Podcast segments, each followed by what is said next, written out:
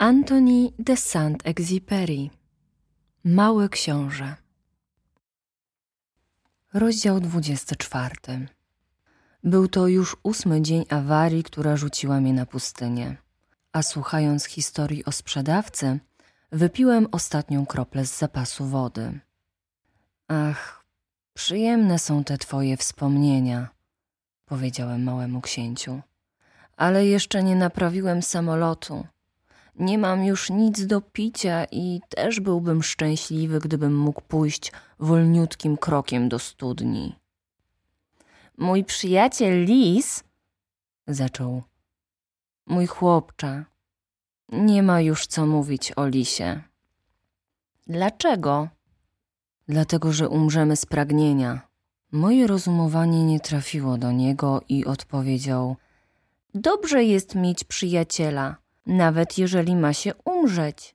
Co do mnie, bardzo się cieszę, że miałem lisa za przyjaciela. On nie zdaje sobie sprawy z niebezpieczeństwa, pomyślałem. Nigdy nie chce mu się jeść ani pić. Wystarczy mu odrobina słońca. On jednak popatrzył na mnie i odpowiedział na moje myśli.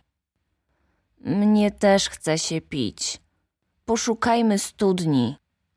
Machnąłem ręką ze znużeniem. To absurd szukać po omacku studni w bezkresie pustyni. Mimo wszystko ruszyliśmy w drogę. Szliśmy wiele godzin. Zapadła noc i zapłonęły gwiazdy. Widziałem jak we śnie, ponieważ miałem lekką gorączkę z powodu odwodnienia.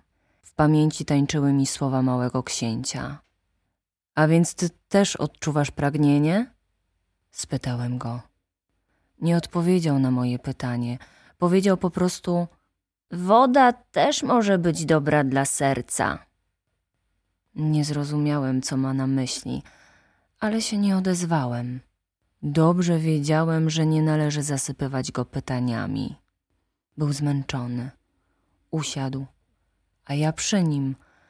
Po chwili milczenia powiedział jeszcze: Gwiazdy są piękne z powodu róży, której nie widać. Odpowiedziałem: Oczywiście. I patrzyłem w milczeniu na zmarszczki na piasku w świetle księżyca. Pustynia jest piękna, dodał. To była prawda. Zawsze lubiłem pustynię. Siadasz na wydmie, nic nie widać, nic nie słychać, a jednak w ciszy coś promieniuje. Piękna dodaje pustyni fakt, że skrywa gdzieś studnie, powiedział mały książę. Ze zdziwieniem zrozumiałem nagle to tajemnicze promieniowanie piasku. Kiedy byłem małym chłopcem, mieszkałem w starym domu, w którym, jak chciała legenda, był zakopany skarb. Oczywiście nikt go nigdy nie odkrył, a może nawet nie szukał, ale jednak cały dom był przez to jak zaczarowany. Mój dom kiedyś tam w samym środku skrywał tajemnicę.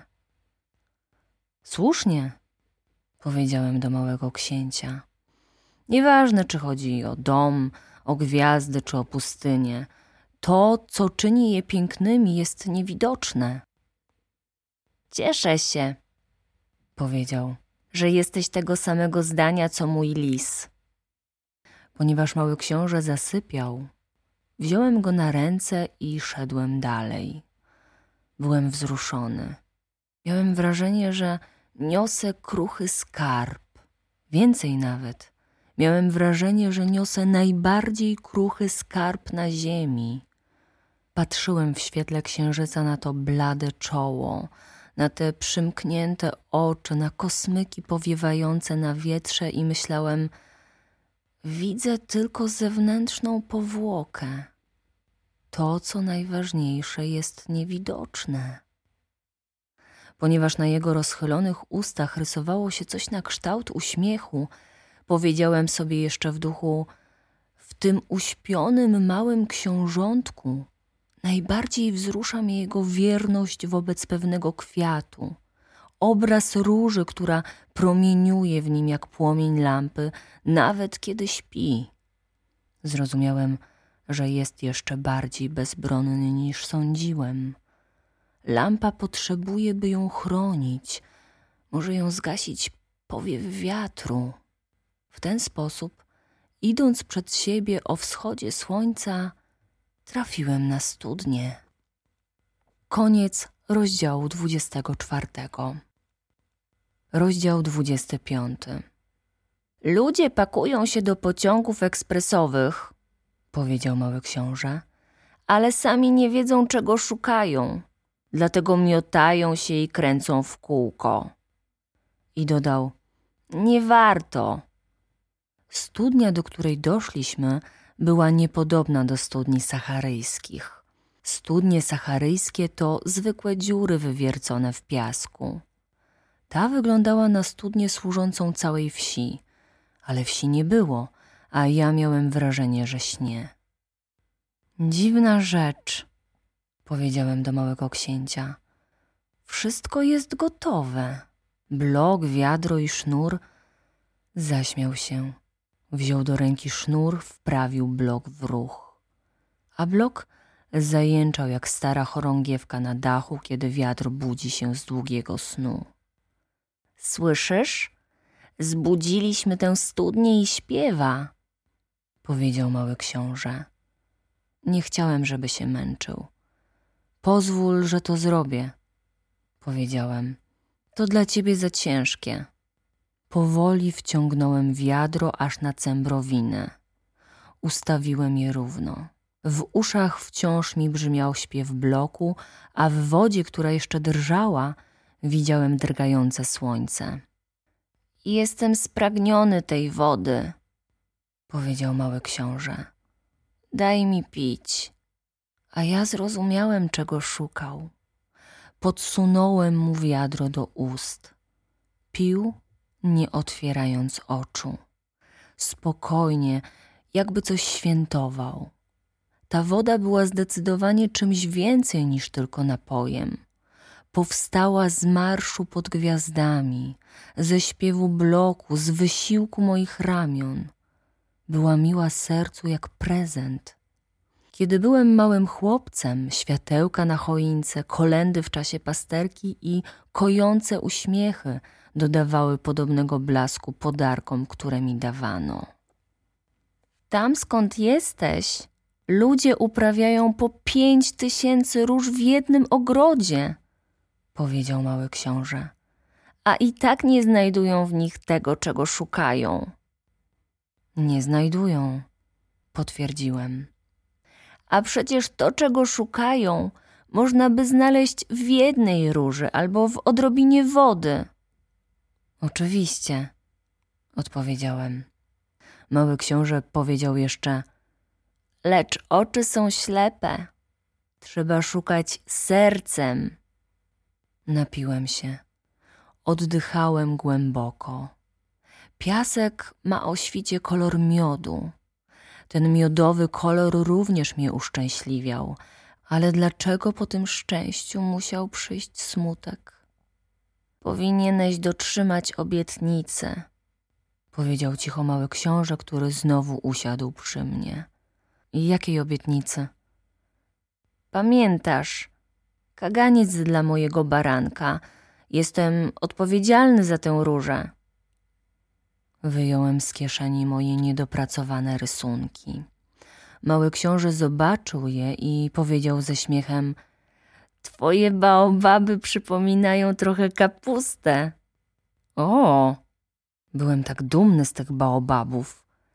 Twój lis, te uszy przypominają trochę rogi i są za długie. I śmiał się dalej. Jesteś niesprawiedliwy, mój mały. Kiedyś potrafiłem rysować tylko zamknięte boa i otwarte boa. Ach, to wystarczy. Dzieci je zrozumieją. Narysowałem więc kaganiec. Serce mi się ścisnęło, kiedy mu go podawałem. Planujesz coś, o czym nie wiem. Nie odpowiedział mi jednak. Wiesz, jeśli chodzi o moje lądowanie na ziemi, jutro będzie rocznica, powiedział. Pomilczał chwilę, po czym dodał. Spadłem niedaleko stąd. I zaczerwienił się. A ja znowu, nie rozumiejąc, dlaczego poczułem dziwny smutek. Przyszło mi jednak do głowy pewne pytanie. A zatem to nie przez przypadek tamtego ranka, osiem dni temu, kiedy cię poznałem, spacerowałeś sobie sam tysiąc mil od zamieszkałych terenów? Byłeś w drodze powrotnej do miejsca, w którym spadłeś? Mały książę jeszcze bardziej się zaczerwienił. Dodałem z wahaniem: Być może z powodu tej rocznicy? Mały książę znowu poczerwieniał. Nigdy nie odpowiadał na pytania, ale kiedy ktoś się czerwieni, to znaczy tak, prawda? Och, boję się, powiedziałem. Tym razem mi odpowiedział. Teraz musisz zająć się pracą. Musisz wrócić do swojego samolotu. Poczekam tu na ciebie. Przyjdź tu jutro wieczorem. To jednak mnie nie uspokoiło. Przypomniałem sobie lisa. Kiedy ktoś dał się oswoić, może się zdarzyć, że będzie musiał trochę popłakać. Koniec rozdziału 25. Rozdział 26. Obok studni wznosiły się ruiny starego kamiennego muru. Kiedy nazajutrz wieczorem wróciłem po pracy, już z daleka zobaczyłem mojego małego księcia, jak siedzi z nogami zwieszonymi z muru. Usłyszałem, jak mówi: Czyli nie przypominasz sobie? To nie było dokładnie tutaj. Ktoś musiał mu coś odpowiedzieć, bo zareagował. Ależ tak, tak, dzień się zgadza, ale nie miejsce. Byłem coraz bliżej muru. Nadal nikogo nie widziałem, a jednak mały książę znowu odpowiedział na czyjeś słowa. Oczywiście, zobaczysz, gdzie zaczynają się moje ślady na piasku. Poczekaj tam na mnie. Przyjdę dziś w nocy. Od muru dzieliło mnie dwadzieścia metrów, a jednak nadal nic nie widziałem. Po chwili milczenia mały książę powiedział jeszcze: Czy twój jad jest silny? Jesteś pewien, że nie będę długo cierpiał? Przystanąłem ze ściśniętym sercem, ciągle jeszcze nic z tego nie rozumiejąc. Teraz już idź, powiedział. Chcę zjeść. Wtedy ja spojrzałem w dół, na podstawę muru i aż odskoczyłem. W stronę małego księcia wyciągał się żółty wąż z gatunku tych, które zabijają w ciągu trzydziestu sekund. Zacząłem biec, szukając w kieszeni rewolweru, ale wąż mnie usłyszał i powoli wtopił się w piasek jak zanikająca struga wody, po czym niespiesznie prześlizgnął się z metalicznym szelestem między kamieniami. Znalazłem się pod murem akurat na czas, by złapać w ramiona moje małe książątko, blade jak śnieg. Cóż to znowu za historia? Rozmawiasz teraz z wężami? Odwinąłem złoty szalik, z którym się nie rozstawał. Zwilżyłem mu skronie i dałem pić. Nie miałem już odwagi o cokolwiek go pytać. Spojrzał na mnie z powagą i zarzucił mi ramiona na szyję. Czułem jego serce bijące jak u umierającego ptaka trafionego z karabinu. Powiedział: Cieszę się, że już wiesz, co nie działało w twoim samolocie. Będziesz mógł wrócić do siebie. Skąd wiesz? Przyszedłem właśnie po to, żeby mu oznajmić, że wbrew wszelkim oczekiwaniom naprawa się udała. Nie odpowiedział na moje pytanie, ale dodał: Ja też dzisiaj wrócę do siebie. A po chwili rzucił ze smutkiem: To znacznie dalej i droga znacznie trudniejsza. Czułem, że dzieje się coś niezwykłego. Ściskałem go w ramionach jak małe dziecko, a mimo to miałem wrażenie, że on jakby spada pionowo w przepaść i że nie mogę zrobić nic, aby go utrzymać. Wzrok miał bardzo poważny, błądził nim gdzieś daleko. Mam twojego baranka i skrzynkę dla baranka i mam kaganiec. Uśmiechnął się smutno. Odczekałem dłuższą chwilę. Poczułem, że powoli się ogrzewa. Chłopczyku, przestraszyłeś się. Oczywiście, że się przestraszył. On jednak zaśmiał się cicho. Dziś wieczorem jeszcze bardziej będę się bał. Poczucie nieuchronności znowu ścięło mi krew w żyłach. Zrozumiałem, jak nieznośna jest dla mnie myśl, że już nigdy nie usłyszę jego śmiechu. Był dla mnie jak studnia na pustyni. Chłopczyku, chcę znowu słyszeć twój śmiech. On jednak powiedział: Dziś w nocy minie rok. Moja gwiazda znajdzie się dokładnie nad miejscem, w którym spadłem w zeszłym roku. Chłopczyku, powiedz, że ta historia z wężem, umówionym spotkaniem i gwiazdą to tylko zły sen. Ale on nie zareagował na moje słowa, tylko powiedział: To, co najważniejsze, jest niewidoczne. Oczywiście. Tak samo jest z kwiatem. Jeżeli kochasz kwiat, który znajduje się na jakiejś gwieździe, lubisz nocą oglądać niebo. Na wszystkich gwiazdach są kwiaty.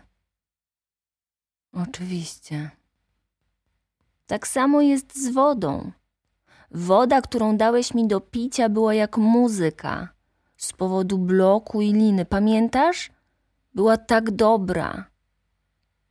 Oczywiście. Nocą będziesz oglądał gwiazdy. Moja jest zbyt mała, żebym mógł ci pokazać, gdzie się znajduje. I tak jest lepiej. Moja gwiazda będzie dla ciebie jedną z wielu. A więc będziesz mógł lubić oglądać wszystkie gwiazdy. Każda będzie twoją przyjaciółką. Poza tym dostaniesz ode mnie prezent. Znowu się zaśmiał. O, chłopczyku, mój mały chłopczyku, jak ja lubię, gdy się śmiejesz. To właśnie będzie mój prezent, tak jak z wodą. Co chcesz przez to powiedzieć? Ludzie miewają różne gwiazdy. Dla tych, którzy podróżują, gwiazdy to przewodniczki. Dla innych to jedynie małe światełka. Dla jeszcze innych, którzy są uczeni, co gwiazda to zagadnienie. Dla mojego biznesmena gwiazdy to złoto, ale wszystkie te gwiazdy milczą. Ty będziesz miał gwiazdy, jakich nie ma nikt. Co chcesz przez to powiedzieć? Ponieważ będę mieszkał i się śmiał na jednej z nich, kiedy spojrzysz nocą w niebo, wszystkie gwiazdy będą się śmiały do ciebie. Ty, akurat ty będziesz miał gwiazdy, które potrafią się śmiać. I znowu się zaśmiał. A kiedy się pocieszysz, każdy znajduje w końcu pocieszenie, będziesz zadowolony, że mnie znałeś. Zawsze będziesz moim przyjacielem. Będziesz miał ochotę śmiać się ze mną. I czasem otworzysz okno, tak po prostu, dla przyjemności. Twoi znajomi będą się dziwić, że się śmiejesz, patrząc na niebo. Wtedy im powiesz: Tak, gwiazdy zawsze mnie rozśmieszają a oni pomyślą, że zwariowałeś. Zrobię ci niezłego psikusa. I znów się zaśmiał. To tak, jakbym zamiast gwiazd podarował ci całe góry dzwonków, które potrafią się śmiać. I jeszcze raz się zaśmiał, a potem znów spoważniał. Wiesz, nie przychodź tej nocy. Nie opuszczę cię. Będę wyglądał tak, jakbym cierpiał, trochę jakbym umierał. Po prostu tak będzie. Nie przychodź tego oglądać. Nie warto. Nie opuszczę cię. On jednak był zmartwiony. Mówię ci o tym również z powodu węża. Chodzi o to, żeby cię nie ukąsił. Węże są złośliwe, potrafią ukąsić dla przyjemności. Nie opuszczę cię. Jakaś myśl dodała mu otuchy. To prawda, że nie wystarcza im jadu na drugie ukąszenie. Tej nocy przeoczyłem moment, kiedy ruszył w drogę. Wymknął się bezszelestnie. Kiedy zdołałem go dogonić, szedł zdecydowanym, szybkim krokiem. Powiedział tylko: Ach, jesteś i wziął mnie za rękę. Ale coś go jeszcze gnębiło. Niesłusznie postąpiłeś. Będzie ci przykro. Będę wyglądał na umarłego, ale to nie będzie prawda. Nic nie powiedziałem. Zrozum, to za daleko. Nie mogę tam zabrać tego ciała. Jest za ciężkie. Nic nie powiedziałem. Ono będzie jak stara, porzucona łupina. W porzuconej łopinie nie ma nic smutnego. Nic nie powiedziałem. Trochę się zniechęcił, ale zdobył się na jeszcze jeden wysiłek. Wiesz, to się odbędzie spokojnie. Ja też będę patrzył w gwiazdy. Wszystkie gwiazdy będą jak studnie z zardzewiałym blokiem. Wszystkie gwiazdy dadzą mi pić. Nic nie powiedziałem. Będzie tak zabawnie. Ty będziesz miał 500 milionów dzwonków, ja będę miał 500 milionów studni. I też zamilkł, bo płakał. To tu. Pozwól, że sam zrobię ten krok. Usiadł jednak, ponieważ się bał. Wiesz, moja róża. Jestem za nią odpowiedzialny. Ona jest tak słaba i tak naiwna. Ma zaledwie cztery małe kolce, żeby się bronić przed światem. Ja też usiadłem, bo nie mogłem już utrzymać się na nogach. Tak. To wszystko, powiedział. Jeszcze chwilę się wahał, po czym wstał. Zrobił krok. Ja nie mogłem się ruszyć. Coś żółtego mignęło koło jego kostki, nic więcej. Przez moment stał nieruchomo. Nie krzyknął. Upadł powoli, jak pada drzewo, bezszelestnie, z powodu piasku. Koniec rozdziału 26. Rozdział 27. Minęło już sześć lat. Nigdy jeszcze nie opowiedziałem tej historii. Koledzy na mój widok ucieszyli się, że wróciłem żywy. Byłem smutny, ale im mówiłem, to zmęczenie. Teraz trochę się pocieszyłem, to znaczy niezupełnie. Wiem, że wrócił na swoją planetę, bo o wschodzie słońca nie znalazłem jego ciała. To nie było ciężkie ciało. A nocą lubię słuchać gwiazd, są jak pięćset milionów dzwoneczków. Dzieje się jednak coś niezwykłego. Do kagańca, który narysowałem dla małego księcia, zapomniałem dodać skórzany pasek. Niemożliwe, żeby założył go barankowi. Zastanawiam się więc, co się wydarzyło na jego planecie. Możliwe, że baranek zjadł róże. Czasem mówię sobie, na pewno nie. Mały książę co noc chowa swoją różę pod kloszem i pilnuje baranka. Wtedy jestem szczęśliwy, a gwiazdy śmieją się cicho. Kiedy indziej myślę, wystarczy chwila nieuwagi już po wszystkim – Mógł zapomnieć któregoś wieczoru o szklanym kloszu albo baranek wymknął się cichuteńko nocą. I wtedy dzwonki stają się łzami. Wielka to tajemnica.